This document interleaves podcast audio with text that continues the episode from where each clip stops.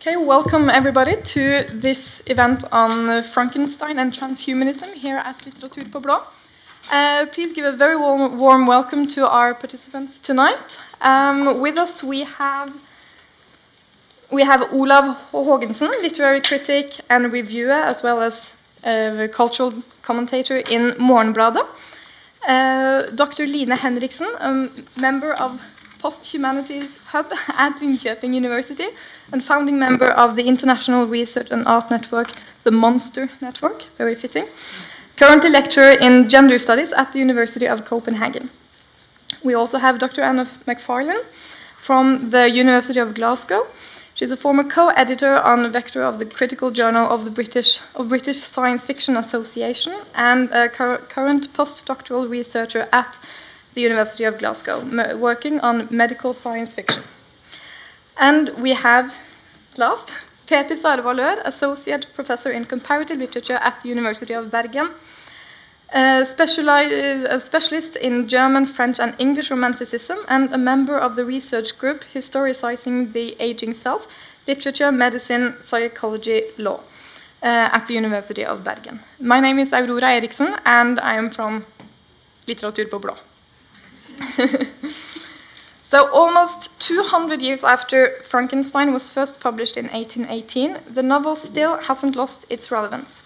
On the contrary, it might be said to be more relevant than ever, and the legend and its implications of Frankenstein and his monster always um, uh, almost live a life of its own. Um, yes.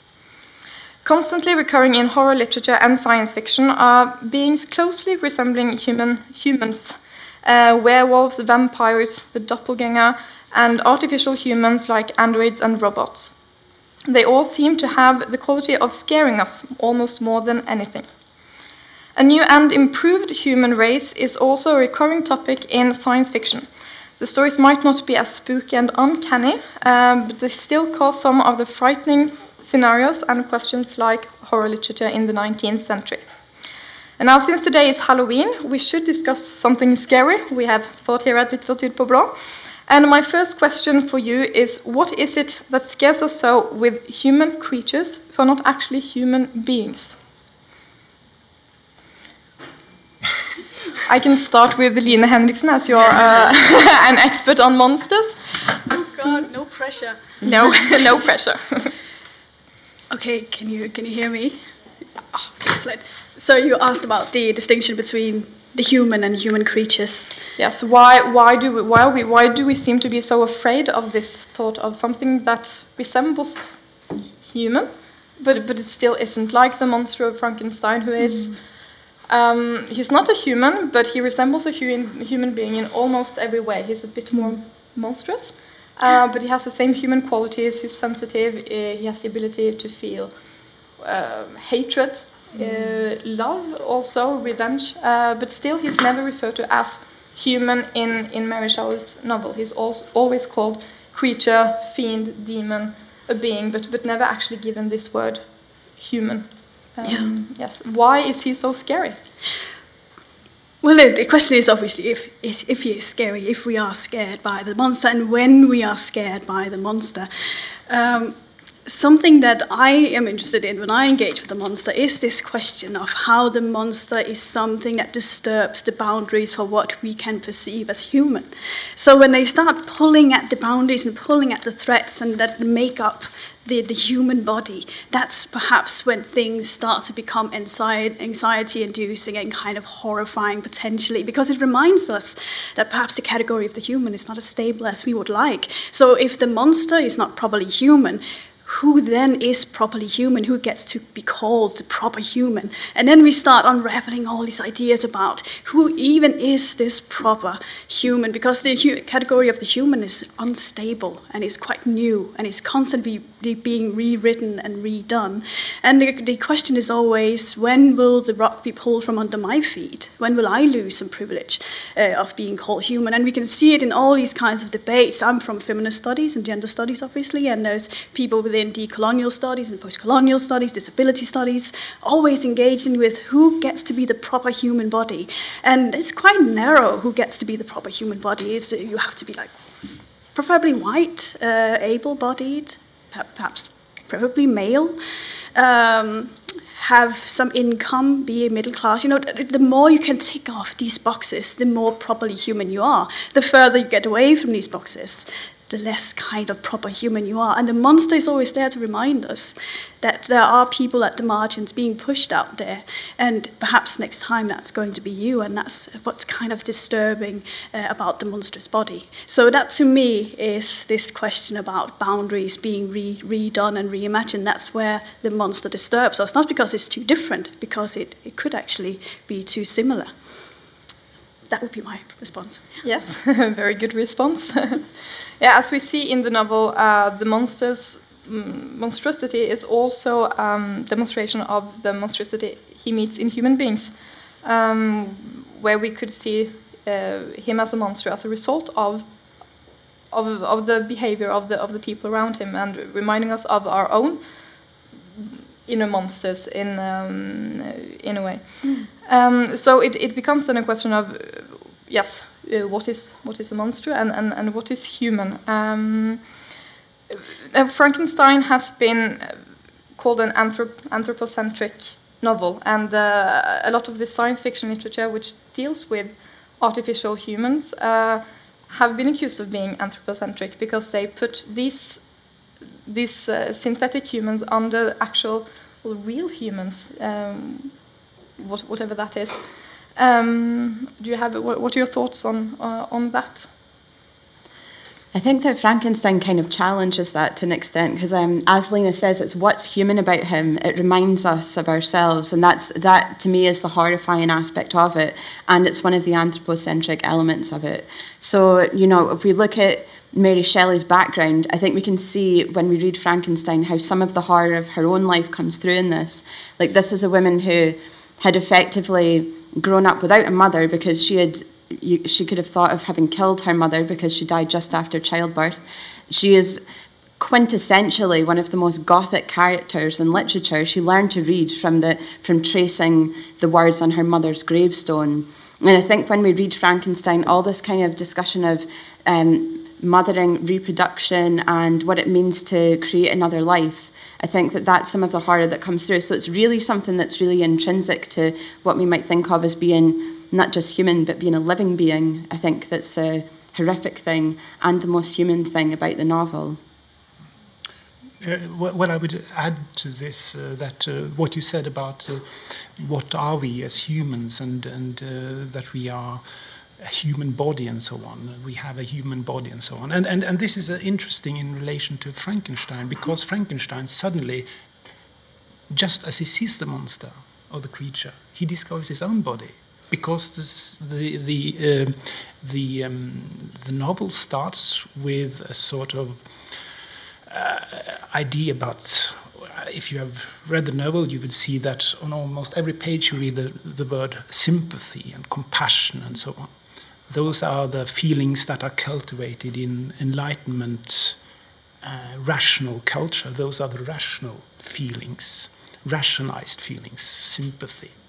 It's a social feeling, it's a soft feeling, it's a something which is more to do with the soul than the body. Mm. But then he sees this creature uh, and he, it, is, is, it is stated that I was convulsed. My body was convulsed. My limbs were convulsed, right? Mm. So he's discovering the convulsing body, the expressive body, the orgasmic body when he sees this monster.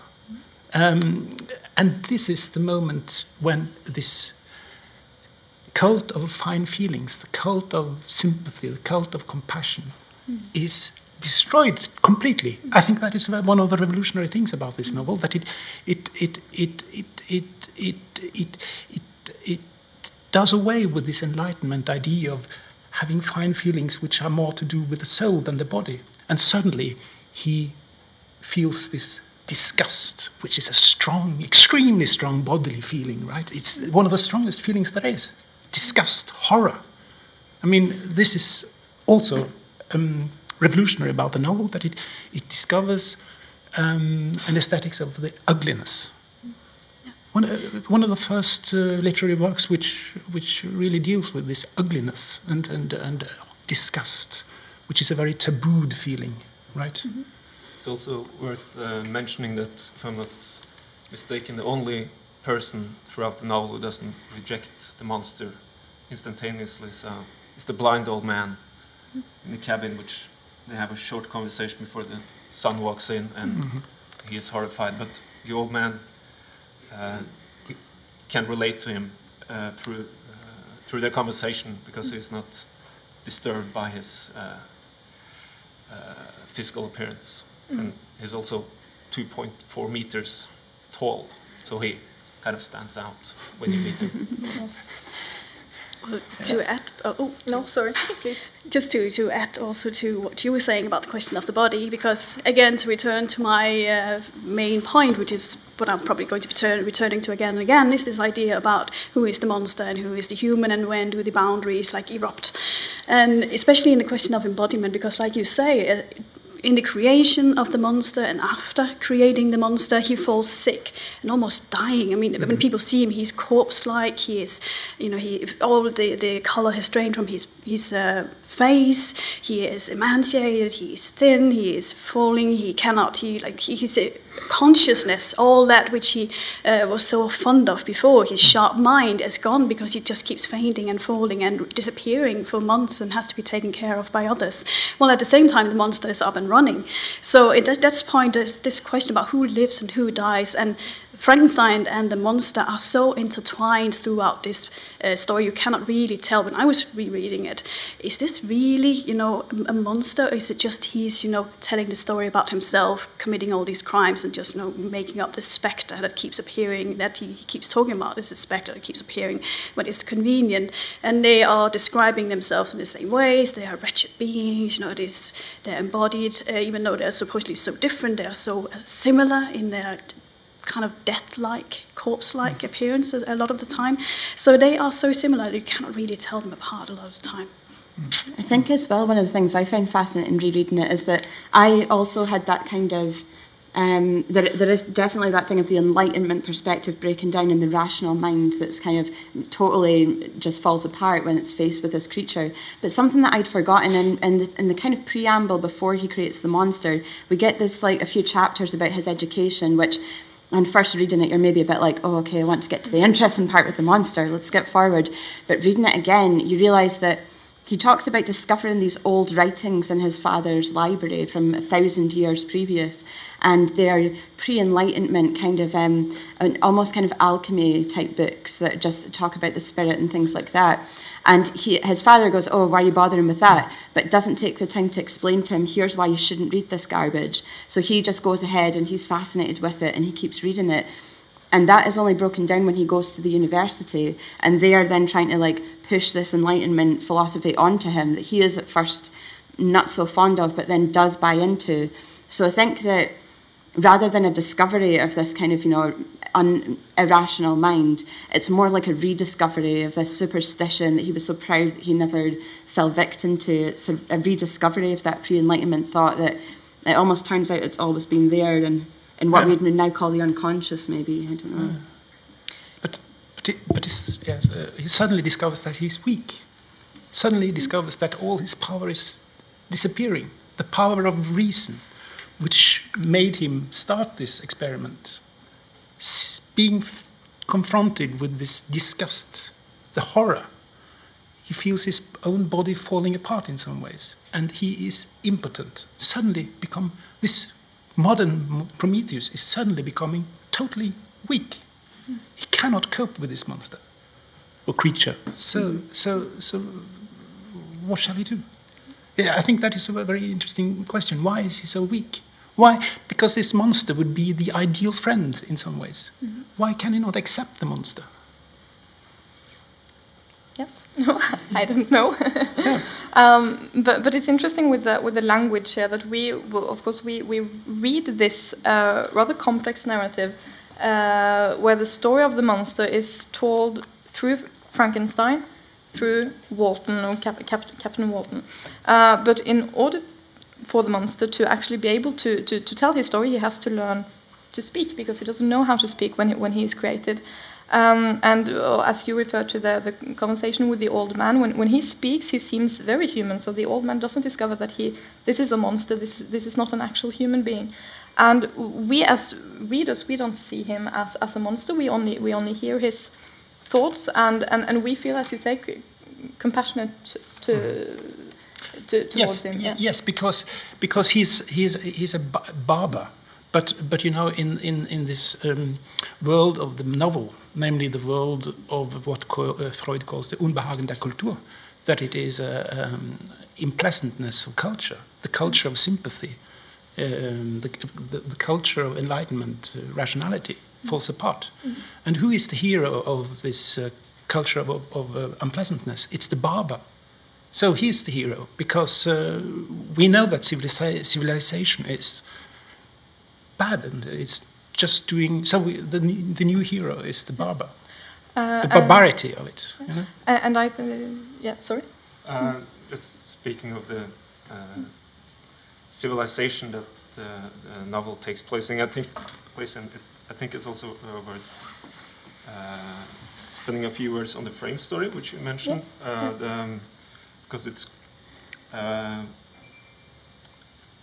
what we know as the story of uh, Victor Frankenstein and his monster. There's a, another story kind of enveloping the novel where a young explorer uh, who is up uh, somewhere uh, in the North Pole area, I think. He finds, um, um, he encounters Frankenstein out on the ice and then takes him into his boat and Frankenstein tells him the whole story. So there's the uh, Victor Frankenstein, the scientist who discovers uh, like the secrets of life or the, uh, this is this enlightenment figure. There's also another enlightenment figure in, in the uh, in, in Captain uh, Walton, who is out literally exploring the white uh, areas on the map. So he has this this double framing of uh, uh, very male enlightenment figures, which I think is no coincidence at all. I think it's very important. I think you're totally right in that one of the main women in the text is actually his sister who he writes to that we never actually get to hear, but we know that she's telling him, no, you need to come back, you need to prioritize your life. And, you know, that's, that's one of the things that we know about her. And similarly, when Frankenstein um, falls into creating this monster, he is he comes to say to Walton, you need to prioritize domestic life. That that's if you prioritize domestic life and cares, then that's what's going to bring you back from the brink of madness and keep you within the law. I think is the way that he says it. So there's definitely, I think, a gendered element there of the enlightenment values versus this kind of feminine tempering, almost like bringing people back to a reality And which we might not agree with nowadays. Might not want to paint women with that kind of bringing them home Yeah. to boring old washing the dishes, but that is kind of what we see in the novel. Yes, and um, um, well, it's a tricky question because the, the Prometheus myth is a very misogynist myth as well. You know that one, if you read uh, Hesiod, uh, um, Prometheus had stolen the fire from the gods, uh, and Zeus was very angry, and he sent the irresistible woman to men. The irresistible woman, Pandora she was sent as a punishment to humankind. And from that moment on, the human race was riddled with problems. This irresistible woman, she was the first woman, you know, Pandora. And, and she made it uh, terrible, terrible. So, so, so, so, so the Pro- Prometheus myth is also focused on, on, on, on, on how to manage the woman because the woman is creating all the problems, you know, and and, and perhaps this is a way of um, pointing towards transhumanism as well, because we need to, to we need to manage these two, two sexes. The war of the sexes must come to an end. We must create a new race, a new unisexual. I don't know. I don't know. We must. Yeah, you, you know, uh, Pandora has made such a made our existence so troublesome. Is the, the irresistible woman. And, and the monster is, to some extent, also irresistible, right? He's irresistible and terrible, just like Pandora. So it's, um, it's, it's, uh, Frankenstein cannot leave him. He must pursue him everywhere. But he's also terrible. There are also several references um, to Eve, to Milton's Eve in, in, in Paradise Lost, and so the comparison of, of the monster and the Eve is constantly throughout throughout the novel. And um, well, on um, enhancing the human race, we have the uh, Les Particules Élémentaires of uh, Michel Houellebecq, um, where the answer of that novel, or the, of the, um, the answer to the, the problems of humanity, is traced down to sexuality. So the the main character in this novel enhances humanity on removing our sexuality. So we become a, a human race that don't reproduce sexually. Uh, and of course, then we are extinguished. So more of a post-humanist um, uh, novel, but yes, again on, on, on enhancing the race by removing these um, these problems. Uh, but I think uh, again that the, the compassion part of um, of the novel is is interesting, and also in, in, in science fiction literature, as if we watch or if we read Blade Runner, that we feel very compassionate towards the, the replicants who are human beings, but they, they are still not human beings. They are created, and they are not killed; they are retired, even though they they very much are um, killed. Uh, and uh, yes, so when I mentioned anthropocentrism, uh, we can see that our compassion is what sort of what discovers this anthropocentrism. That we think we don't disagree, we don't agree with it. We disagrees with the thought of having man on, on top of uh, of the world. But what we saw in the debate in Norway this uh, this last year was that the uh, the debate on transhumanism of enhancing humanity in a way uh, that began with maybe wh- what could we do to, to, to enhance our intelligence ended up with actually being almost ethnocentric. That what uh, what conditions do we not want in a, in a, in a human human race? Um, well, Jacques uh, Derrida has said that luckily there are no definitions for for a human being because if there had been, then well, as you talked about, then so many people would not be able to, to fit into this definition.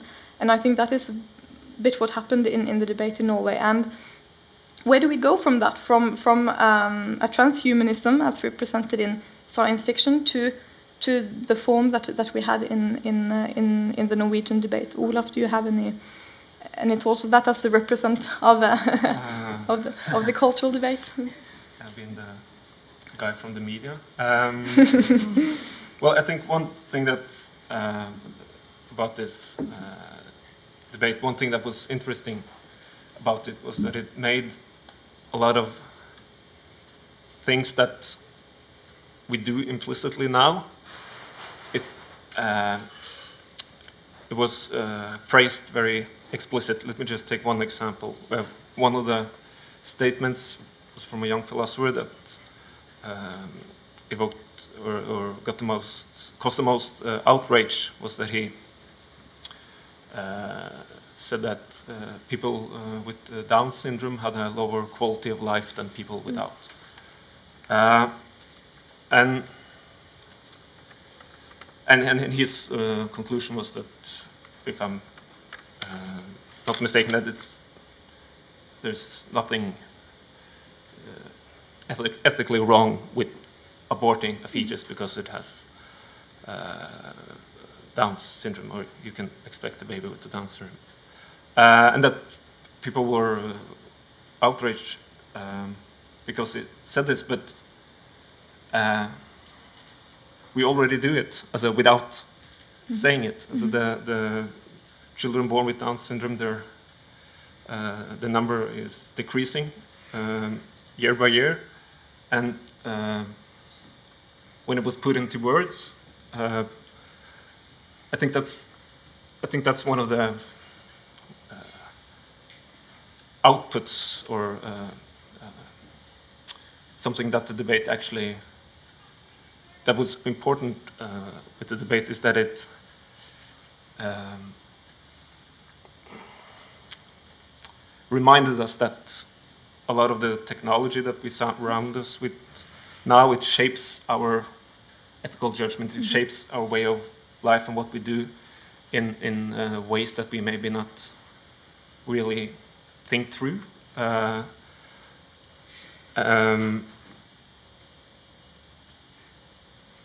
and, and, and, and, and from a transhumanistic uh, perspective, this is, this is not a debate that's going away. It will just become, uh, or, or these decisions or areas where technology uh, shapes humanity or shapes how we think about ourselves implicitly or explicitly, that will be uh, that's that's pretty much all mm. that transhumanism is, isn't it? Mm. I'm not sure if that was an yes. answer. Um, uh, you know, uh, Prometheus. To return to this topic, he was.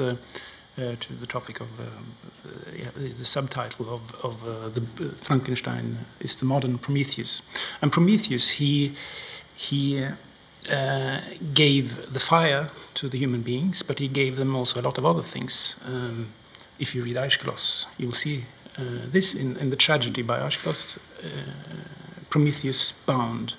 He gave them arithmetics, writing, the art of navigation.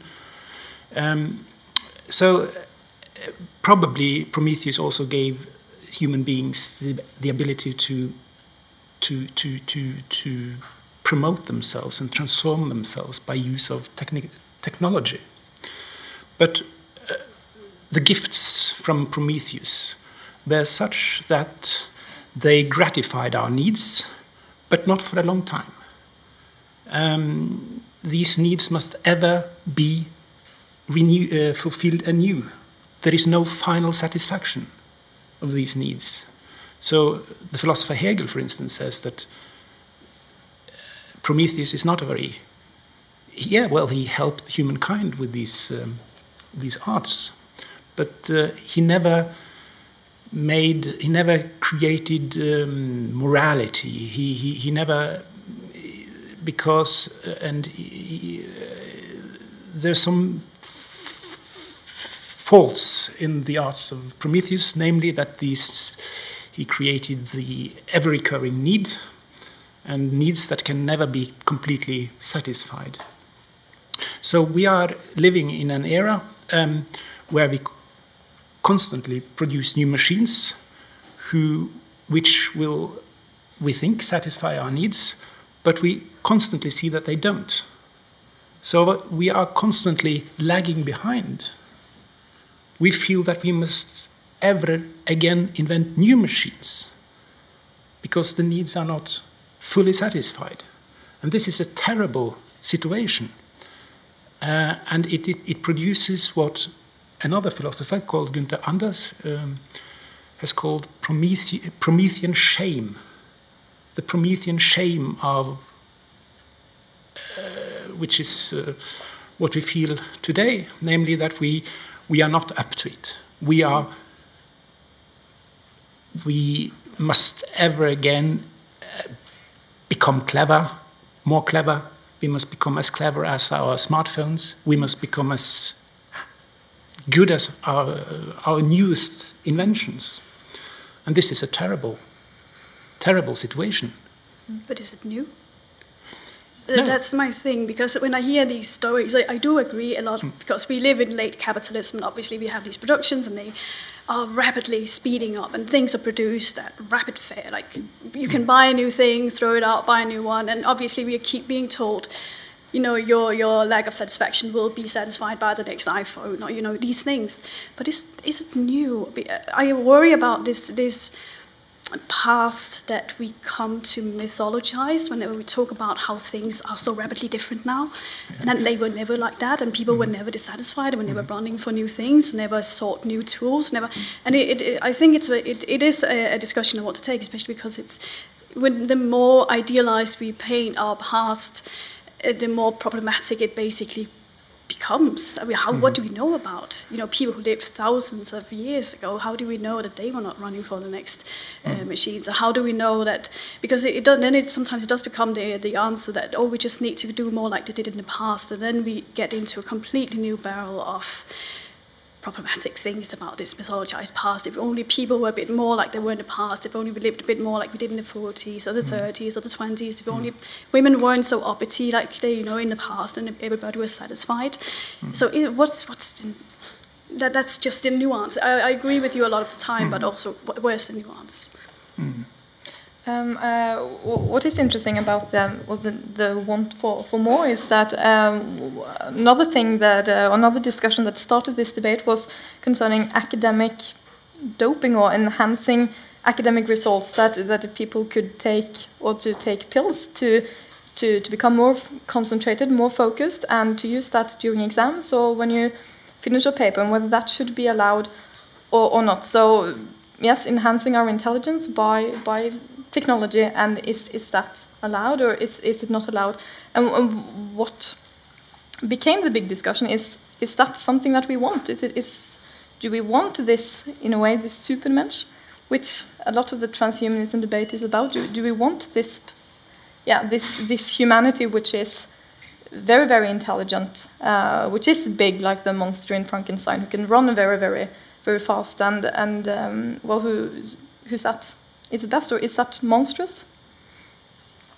I, I think that thought scares me personally. It, it scares me, and I think that maybe that is why the debate became so big in Norway. Is that people are afraid of of that society and also of, of, of that human being. I don't know. Um, yes. Um, I think uh, I, uh, I think uh, Line has a point when she says that we should uh, put today's situation in a historical perspective and it uh, try to uh, kind of avoid the, the very easy opposition between what is technological and what is uh, natural because we're we're enhancing our performance every day.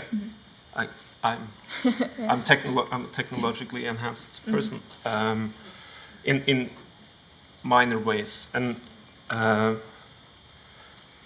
but I think this this um, that it was. I think we're kind of, kind of lagging behind uh, in, in the public perception of what technology is and how it permeates and shapes uh, our life, and it's it's technology is so much more than just uh, smartphones. Um, that's just a long way of saying that. What she said.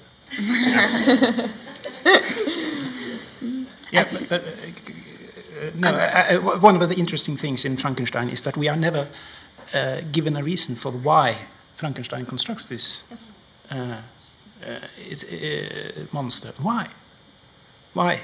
Um, and the question which is more prominent is how to construct it. And this is also the, the situation of today, that we don't ask the question, why do we need to improve? And then will transhumanists say, yes, if we don't, if we don't uh, improve, we will die out, the human race will die out. So what? We will all die. So why should I care about this? I want to, I want start, um, I, I don't want to improve myself. So we are in this situation, I think it's the situation of the transhumanists, of a managerial regime, that it is all only about managing Uh, innovation, making innovation, invention, creation happen. But it's not asking the question of why should we? This question is, is not the question that managers usually ask. Why should we innovate? I think that's where science fiction as a whole can be really helpful. If you think about Jeff Goldblum's character in Jurassic Park, mm. says, you know, just because they could, it doesn't mean that they should have done this. You know, that's that's where science fiction comes in and can give us the language to talk about some of these innovations. But Oh, I think that one of the things that I find really interesting in listening to this discussion is the use of the term transhuman because, you know, i some of my background is in thinking about posthumanism, which is what the way we would talk about I've studied cyberpunk science fiction and you know the kind of different augmentations that people make to their bodies and that kind of literature. And post-humanism is one of the ways that I've done that. And there is a distinction made in post-humanist philosophy between transhumanism, which seeks to augment and increase your abilities, but leaves some fundamental questions unasked. As you say, taking a more kind of managerial approach of this is definitely going to happen, we just have to go with it. And wouldn't it be great if we could live forever by uploading our brain into a computer? You know, that kind of attitude of let's push this as far as it can possibly go. Whereas a post human approach might be something that, you know, has its problems, but I think it might be something that actually aims to deconstruct some of the assumptions that these issues we've been talking about that were in Morgenbladet, um, it might actually help us to address these because, like Line said before, when you talk about the quality of life that a Down syndrome person has, you're measuring that person against an imaginary ideal, which, as Line said, tends to be, you know, the kind of white male, able-bodied, and a post-human approach tends to try and deconstruct that to say what do we actually mean by the human and is that such a great thing? Maybe we should try and take apart this concept of the human to move beyond it and to open up some more possibilities. And there is also a train of thought that says that we have always been post-human in this way that we've always been augmenting ourselves. We've always had technologies that have completely changed things. Think about the written word it's a technology that means that we can the, read the minds of people from literally thousands of years ago. How how much more of a revolutionary technology can you get? So so that's one of the just one thing that I would throw out there that I think that it is a, a, a, kind of esoteric philosophical distinction to many people, I'm sure, to say, well, transhumanism versus posthumanism, but it's just another mental tool that might be helpful for people to to think about if they're wanting to look into this further. Yeah, I really agree with you a lot there. I think it's so important to distinguish that because whenever we talk about technology, there is, I think, sometimes a tendency to say, oh, then we are talking about transhumanism. But posthumanism is very engaged with the question of technology and also with the impossibility of distinguishing what is nature and what is culture. How, where, where does the one begin and the other end? It's impossible to say, really. So it, it becomes these more philosophical questions about embodiment, about what is even the human, whereas to me, the way I understand transhumanism is obviously we, we begin with the human as something that is good and proper, and we just need to make it better. Whereas posthumanism begins by saying, what even is the human? And can we even make a firm distinguish, the distinction between human and a tree, uh, the ground, outer space? We all made of stars afterwards. So it, it becomes this more engaged kind of question about the embodiment of the human and how we are all entangled in our uh, surroundings and, and what that means, especially because then I see posthumanism as being also about embodiment and staying with embodiment, whereas transhumanism to me is often the question of how do we get rid of this body that will die and uh, you know hurt, we will be sick and so on. Whereas posthumanism is very much about uh, engaging with how do we deal with vulnerabilities because that's an inherent uh, existential state. So thank you for bringing that up. I just yeah. on to you. Thank you for explaining that so articulately. That was really good. Thanks. Yes, we saw in, the debate one, uh, some of the most um, uh, not important but most prominent philosophers ta taking part in the debates are utilitarianists. How do you say? Yeah. Uh, and hedonists. So for them, uh, what in a way defines a human being is their ability to, to feel pleasure.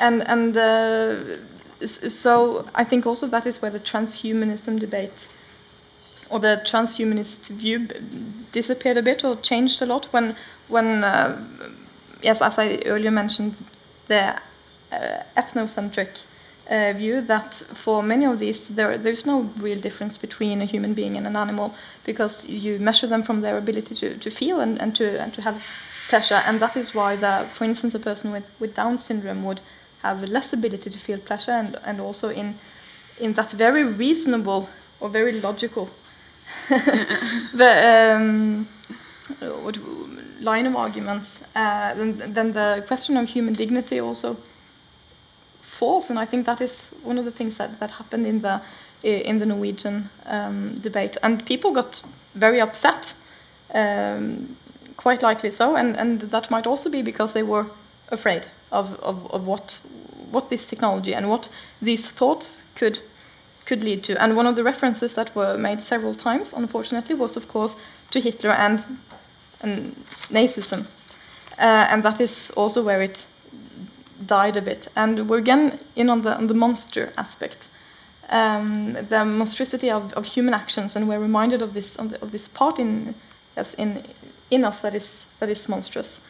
Um, yes. Any any thoughts on this? The monster expert. Oh, oh God! But thank you for, for calling me that. but, but I'm not really. But uh, I guess it depends on how you, you understand the monster and more how you understand the concept of the monstrous. If the monstrous is kind of a moral um, sticker of you know moral uh, degeneracy that you are less morally aware that you are a bad person and monstrous obviously it's, it's used in that in that way um, but to me the monster is not necessarily or the monster is not necessarily about what is good or what is bad it's about upheaval and disturbance it is that thing that inserts itself into our way of understanding the world and all of a sudden making that which seems everyday and non like of course that's the way it is. All of a sudden something comes in there and makes you see things differently. And that's why the monster is scary, but also why it's such a political and ethical uh, way of thinking about the world, that things could be different. They could be even more horrible, but it could also be better. So obviously the monster can be a category of, uh, you can use it to say this person is a horrible monster, and then you mean it's a moral kind of, oh, you're a horrible person, but it, it can do so much more, I think, anyway. I don't know if that was even at all uh, an answer. Can I come in on the ethics of happiness that you mentioned? Because Please. I have to say that's. Yeah. yeah, kind of got me a little bit angry because yeah. I just think A, like, who has the right to say yeah. who's more happy? But B, I think that if you're judging how happy people are, objectively, and for those listening to this on a later podcast, I'm doing the annoying bunny ear quotation thing right now. I think that you need to consider the fact that we're talking about how happy people are in our current society as we see it. Like that's surely the baseline. So, you know, if you if you think about well, maybe we should change our society so that everyone can be happy regardless of what they're whether they're an animal or whether they're a, you know a white person or whether they're a black person or whether they've got a mental illness. You know, that's you know it's if you guys have heard of this, it's broadly called the social theory of disability. That it's not being disabled that's the problem. It's the fact that our society is completely set up to not help those people. Then I think that that's what came to my mind anyway when you brought that up. That maybe we should think more about why is it that people aren't having a full life in this current society if that's the case. And just as an addendum to that on a more practical note, I would always defend a woman's right to choose. But if you're finding that you have a society where like something like Down syndrome is becoming less and less common, maybe you need to look at whether those mothers are being supported in their choice, whether there's appropriate schooling, whether there's appropriate funding for them to be confident that they're not going to be driven mad by the extra responsibilities that having a child with extra needs might place on them. You know, these are the kind of things that maybe need to be asked about the, the social situation rather than you know, and, and I know that that's a difference between being an, a, a, philosopher of ethics and being a, an activist or a campaigner, and I'm kind of crossing that line there, but I, I, do think that's something that needs to be prominent in any debate about this, you know. Yeah. Um, speaking of monsters, as you uh, mentioned, uh, uh, we have a monster in the like, colloquial sense of the word. He's a, he's a monster, something, someone who does evil things, and monster in the more uh, conceptual way. And I think it's worth pointing out that that uh, getting back to the novel a little, that um, the creature that Frankenstein mm. creates, his within the novel, he is also both. On the one hand, he goes around and he kills uh, the entire family of Frankenstein, mm. but on the other hand, when Frankenstein and he meets the middle of the novel or something, and they, they finally speak to each other for the first time, uh, and, and uh, uh, Frankenstein, what do you want from me? And the monster tells him that he wants him to make him a, a mate, a woman, yeah. someone who he can. And, and, and the reason why, why does he want, wants a, a woman? Because he wants to be happy. Mm -hmm. That's the reason he gives. He wants to, and that's the most, like the ancient philosophical mm -hmm. question of all. Yes. He wants to live uh, a happy life, and it doesn't really, it doesn't explicitly say what a happy uh, life is, but uh, surely has has something to do with companionship and love and very. Uh, uh, what do you say? Like uh, feelings that we think of as very human and not monstrous. yeah. Yeah. I think he actually, I know, only know this because I just read the book, did read this tonight. he says, uh, We will not be able to lead a happy life, but we will have a content kind of life. But I, I think it's a, it's a good uh, and interesting discussion to take. Why is even happiness this the like measurement of a worthy life? Why and how do we even measure it and, and these things?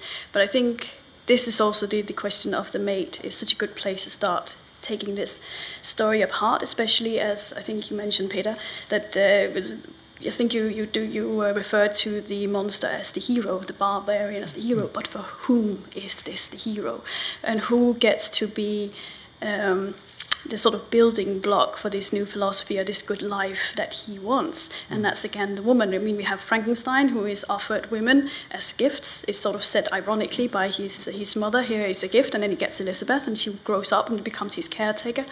Uh, then there's the, the, the monster who also wants the same gift give me a, a woman. And he has to travel all the way to England to find out how to build a woman because he's a builder man, but apparently he cannot, you know, he has to, to, to apparently it's more complicated. Uh, and then he just tears her apart even before she is made. And there's this sort of uh, usage of the woman here, which may also turn back to your question, Aura, about the, the uh, sexism and also the misogyny in this creating the human, the, the uh, amazing human, the, the trans. Um, transhumanist human that, that it cannot be done on women. It has to be this done on men and it's done through men and men uh, coming together to talk about science and philosophy and the women are sort of there to to uh, serve coffee and tea for the revolution as always. So there is again the question the, the, the hero for whom uh, yeah. Uh, uh, well, I, I just wanted to add to this. Uh, very, I, I just wondered a lot about this. Uh, one of the most uh, canonical places in the story, um, when um, when um, uh, this monster, this creature, comes to life, and uh, Frankenstein uh, tries to sleep. He's terrified, horrified by what he has seen, and um, and he gets some sleep. And he says um, in chapter five. Um, I thought in my dream I saw Elizabeth in the bloom of health walking in the streets of Ingolstadt, delighted and surprised. Elizabeth is the one who, who, who, whom he will marry later on. Um, I embraced her, but as I imprinted the first kiss on her lips, they became livid with the hue of death. Her features appeared to change, and I thought that I held the corpse of my dead mother in my arms. A shroud enveloped her form, and I saw the grave worms crawling in the folds of the flannel. I started from my sleep with horror. A cold dew covered my forehead. My teeth, my teeth chattered, and every limb became convulsed. When I suddenly saw the monster. I suddenly saw the monster. I had dreamed about my, about Elizabeth and about my mother, and they are suddenly turned into this slimy, horrible thing. Corpses. They are corpses. And this is perhaps a way of saying that the old ideal woman, namely as um, someone you, uh, someone you you are married to, and someone who, as a mother, who, who creates you, this old idea is now uh, destroyed, and the monster is created out of the corpse of the dead woman. You see what I mean? I'm trying to uh, trying to say what ha- what what is happening here, because uh, the, Elizabeth and the mother, they are the two images of, of of this old idea of what woman is, and she is now a corpse, horrible, you know.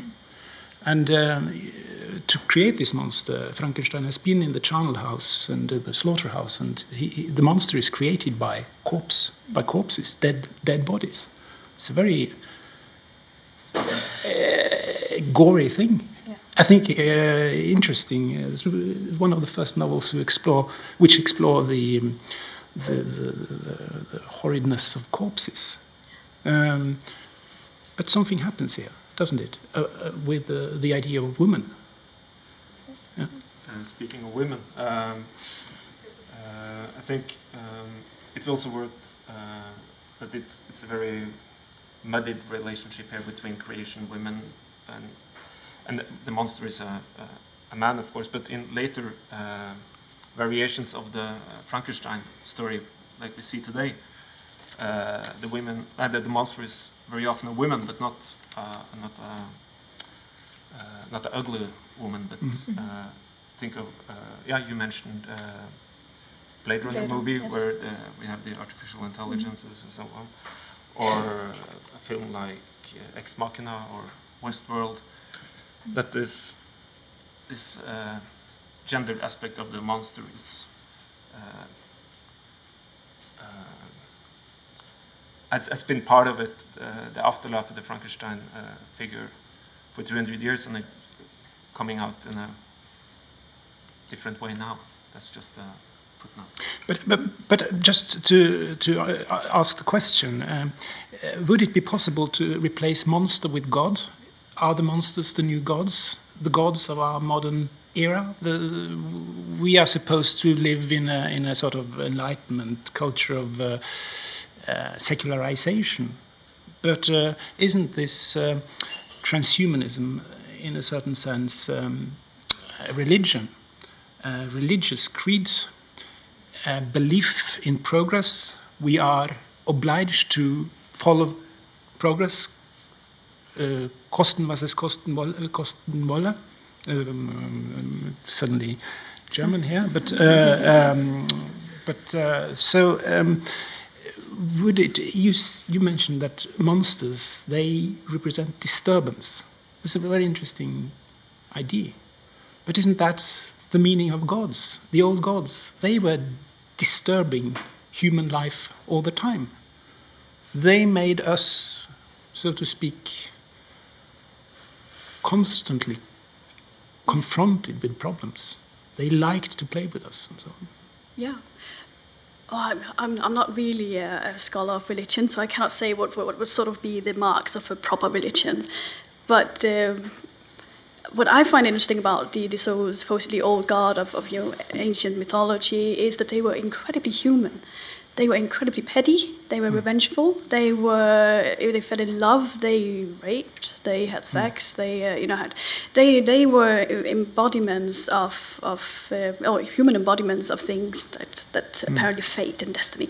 So they, I guess it depends on what what is a god. If it's a creator, mm. uh, and if it's something that has a genesis story. If it's something that has a story about the end of days. Is it hmm. something that has a big sort of um, uh, kind of scheme for human life. So if I'm supposed to make some kind of, of uh, guess about this, it would be, for example, we see right now a renaissance when it comes to weird fiction, and especially Lovecraft and these ideas about cosmos and the void and you know, the universe, and there are monsters out there who have ideas and plans for our life, and they somehow uh, come into our life and, and make things happen, but we don't really know what, what, what that's going to be, or we don't cannot really see what's going to happen. We are just the pawns and puppets of a greater uh, mm. universe. But they are also, I think, called gods a lot. So uh, maybe I'm just taking the most obvious uh, answer there. I don't know if any of you have have.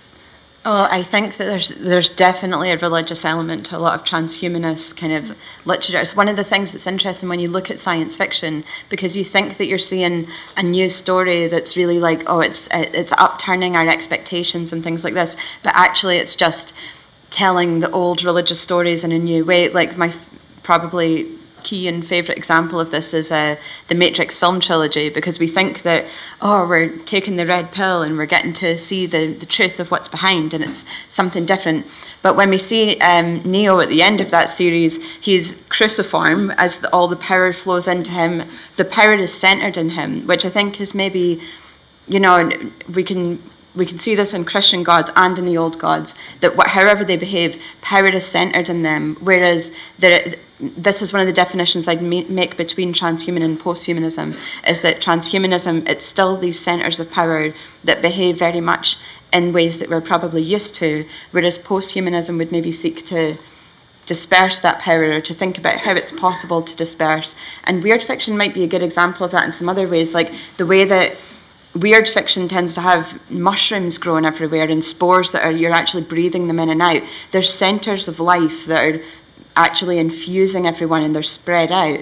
It's more rhizomatic and root-like than it is um, than it is centers of power in an old godlike way. So, so yeah, th- that's one of the ways that I think that that transhumanism, posthumanism difference is maybe interesting one. Yeah.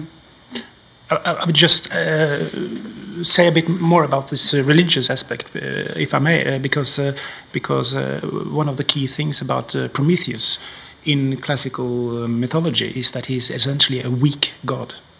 Uh, he is a titan, that is to say, the second generation of gods, and uh, the third generation is the are the Olympians. They rule, and Zeus punished Prometheus because he had, um, well, he had betrayed the gods for the human beings and so on. But, but he's a weak god. And um, if humanity takes Prometheus as its own model, you know, and that is, uh, Prometheus is a model of the humankind. uh, and humankind understands itself as in part divine. We are in part divine, but we are also very weak gods. And we need to fight those Olympians, those Olympians, the Zeus regime, the third generation of gods. This is what we are up to, to, to, to banish those gods. This is the, the idea of Prometheus as the eternal revolutionary, the eternal rebel up against establishment, you know, the establishment of gods, the establishment of Zeus.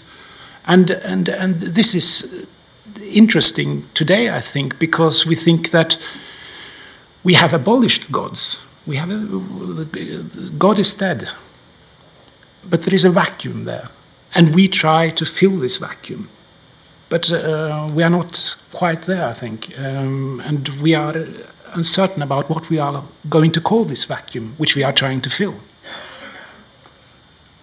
Yes. Um, one, one last question before we open up for questions from the audience.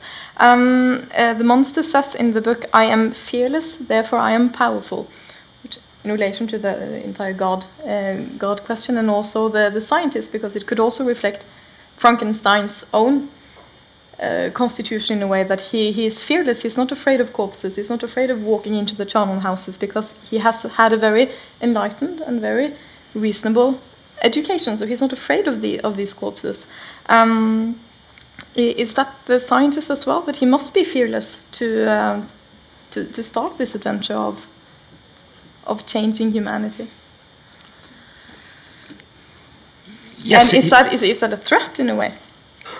Yes, the, the ideal of uh, Frankenstein is uh, put in uh, in chapter four. A human being in perfection ought always to preserve a calm and a peaceful mind, and never to allow passion or a transitory desire to disturb his tranquility. So you must be apathetic to some extent. You must don't let yourself be governed by feelings or strong feelings, only soft feelings like sympathy. Which is also one of the arguments from, from, from some of the participants in the Norwegian debate that it's you, you can't argument with, with feelings. You have to argue with, with logic. Hmm.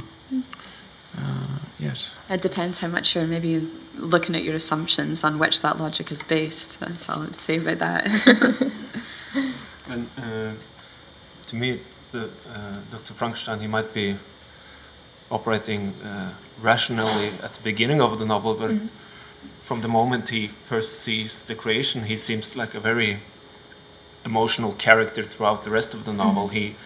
He immediately runs away and is, is in delirious and he's sick and he's constantly in emotional upheaval. So he's doing a very poor job living up to his own standards for most of the book. Hmm. Mm-hmm. No, but I think also that the idea of intelligence, for instance, which is very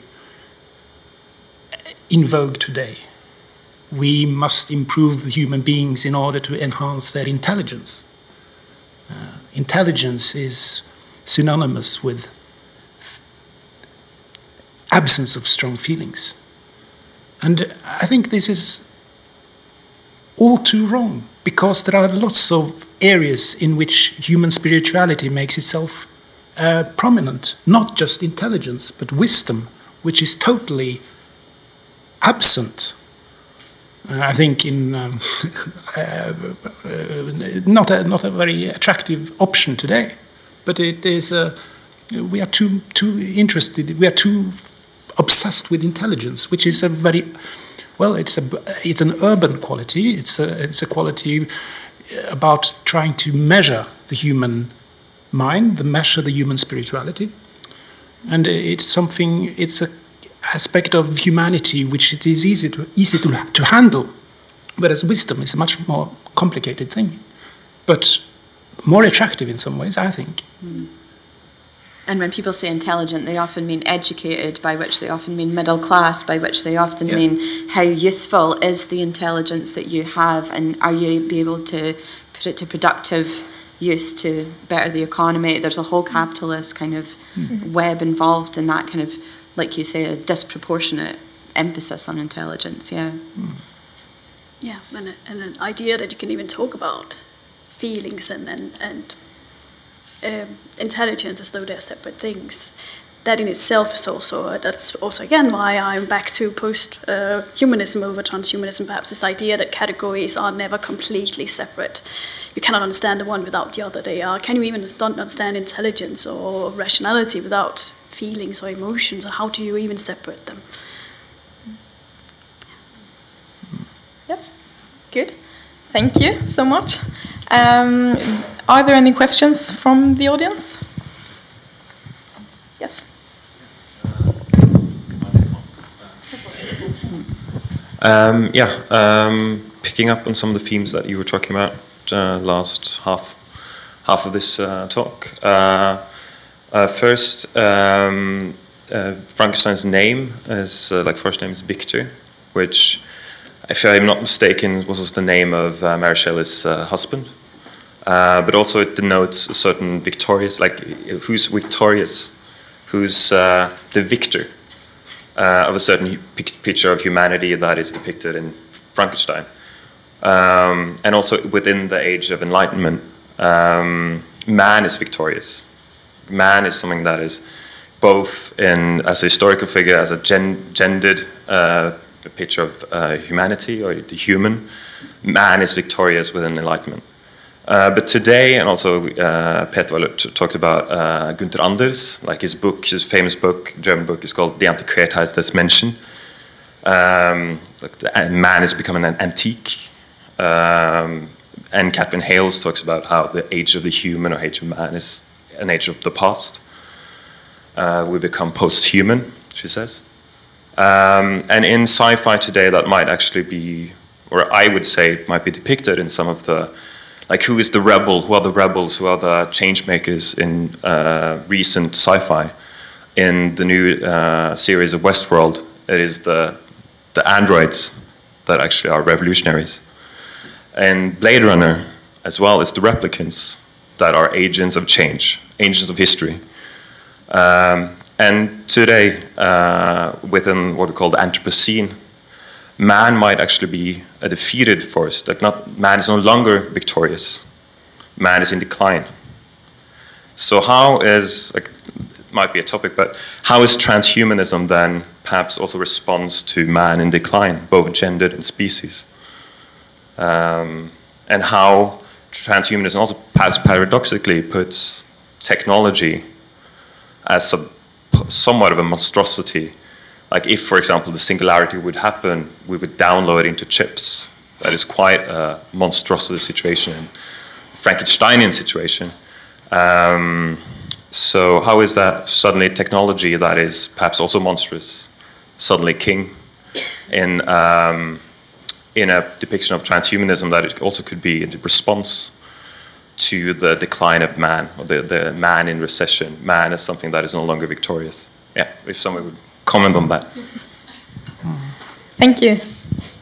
Who, who wants to comment on that? Um, on that? well, well, I do think that there's an absolute like gendered nature to this. That transhumanism, like some of the biggest uh, promoters of this, like Hans Moravec, you know, they tend to be male, and there tends to be very kind of um, masculine well you know i don't want to make too many generalizations hashtag not all men but there's a kind of masculine belief that technological improvement is going to be the best thing and being stronger and more intelligent is going to win the day whereas a lot of post-humanist scholars like there are many men writing on this but there's a big um, feminist element as well. So in that regard i think that there is a I think there is an understanding that a move towards post-humanism might be a way of opening up ways for um, other identities that have been quashed somewhat under that enlightenment, and then transhumanist as a kind of extension of that. So yeah, that's my that's my emotional reaction to that anyway. Yeah.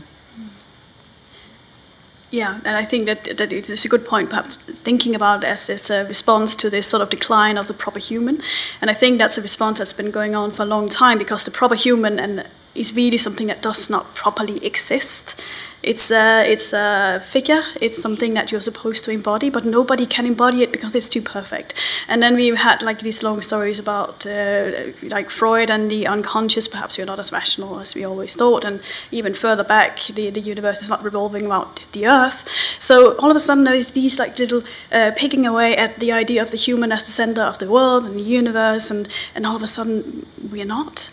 And I think that it, that's becoming more and more um, pronounced as we get more biotechnologies, looking at how complex the human body is, how it's not centered around one identity, how we are sharing our existence with tons of bacteria and viruses, and you know how uh, even for me to function again, there's this idea about glasses, medicine, uh, clothing.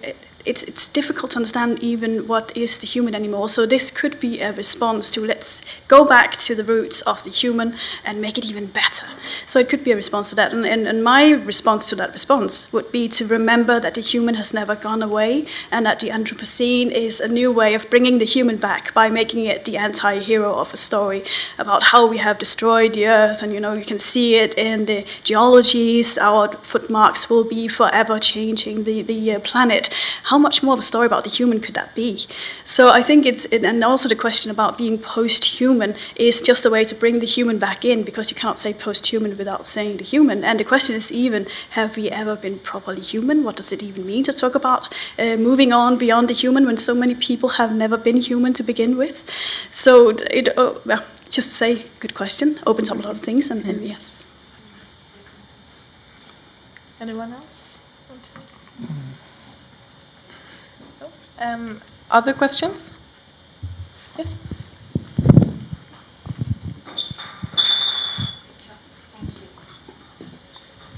Uh, hello, thank you so much. This has been incredibly interesting. Um, I was thinking, uh, I mean, I guess one very standard way of reading Frankenstein is that it's a story about reproduction without women. Um, and it sort of occurs to me that kind of I mean, had Victor Frankenstein just sort of had a baby with Elizabeth, he would also have been creating life, but nobody would have thought that he was Promethean or godlike. Um, it would just have been pretty standard. Um, now, I wonder if you sort of what, what you think about what the story does with the gendered nature of reproduction, um, whether it's sort of trying to cut women out of the equation or whether it's trying to perhaps rather render the whole process kind of visible as the incredibly strange thing it is. Um, I was wondering if you had any thoughts on that. I love this question. This is just exactly what I want to study with Frankenstein that I'm going to do really soon. But um, it is interesting that you bring this up because in the 1970s, certainly in um, Anglophone um, academia, I don't know how much it happened elsewhere, but in Anglophone academia, they started to read Frankenstein as Frankenstein being a version of the woman, and exactly as you're saying, like talking about the the issues with reproduction. So there is like and I thought this was fascinating when you were talking about Prometheus being a weak god, because in a way, I feel like, and, and I've not researched the text quite enough yet to say that this is the case, but I feel like in a way that's one of the cases that is coming forward in Frankenstein that women are kind of weak gods because they can bring forward this life, but life and death are so interlinked. And this is again based in Mary Shelley's biographical information as well the fact that her mother died just after childbirth, the fact that she nearly died from miscarriage several times and had children die at young ages and things. Life and death are intertwined, so it's like this great power but something that is so dark and something that something that people have to live with. But then I suppose that's that was the kind of seventies reading of him being as a representation of women, and then therefore being um, able to reproduce was, I suppose, monstrous because it it's still challenging that kind of understanding of what reproduction should be. I don't know. Is that is that an example of the monstrous? like uh, giving birth, or, Yeah. or- uh, a, a man giving birth. I think so. Yeah. Yeah. yeah. Other questions? No? Then uh, thank you so much, uh, all of you, for a very interesting conversation. Um, and thank you for coming. Thank you.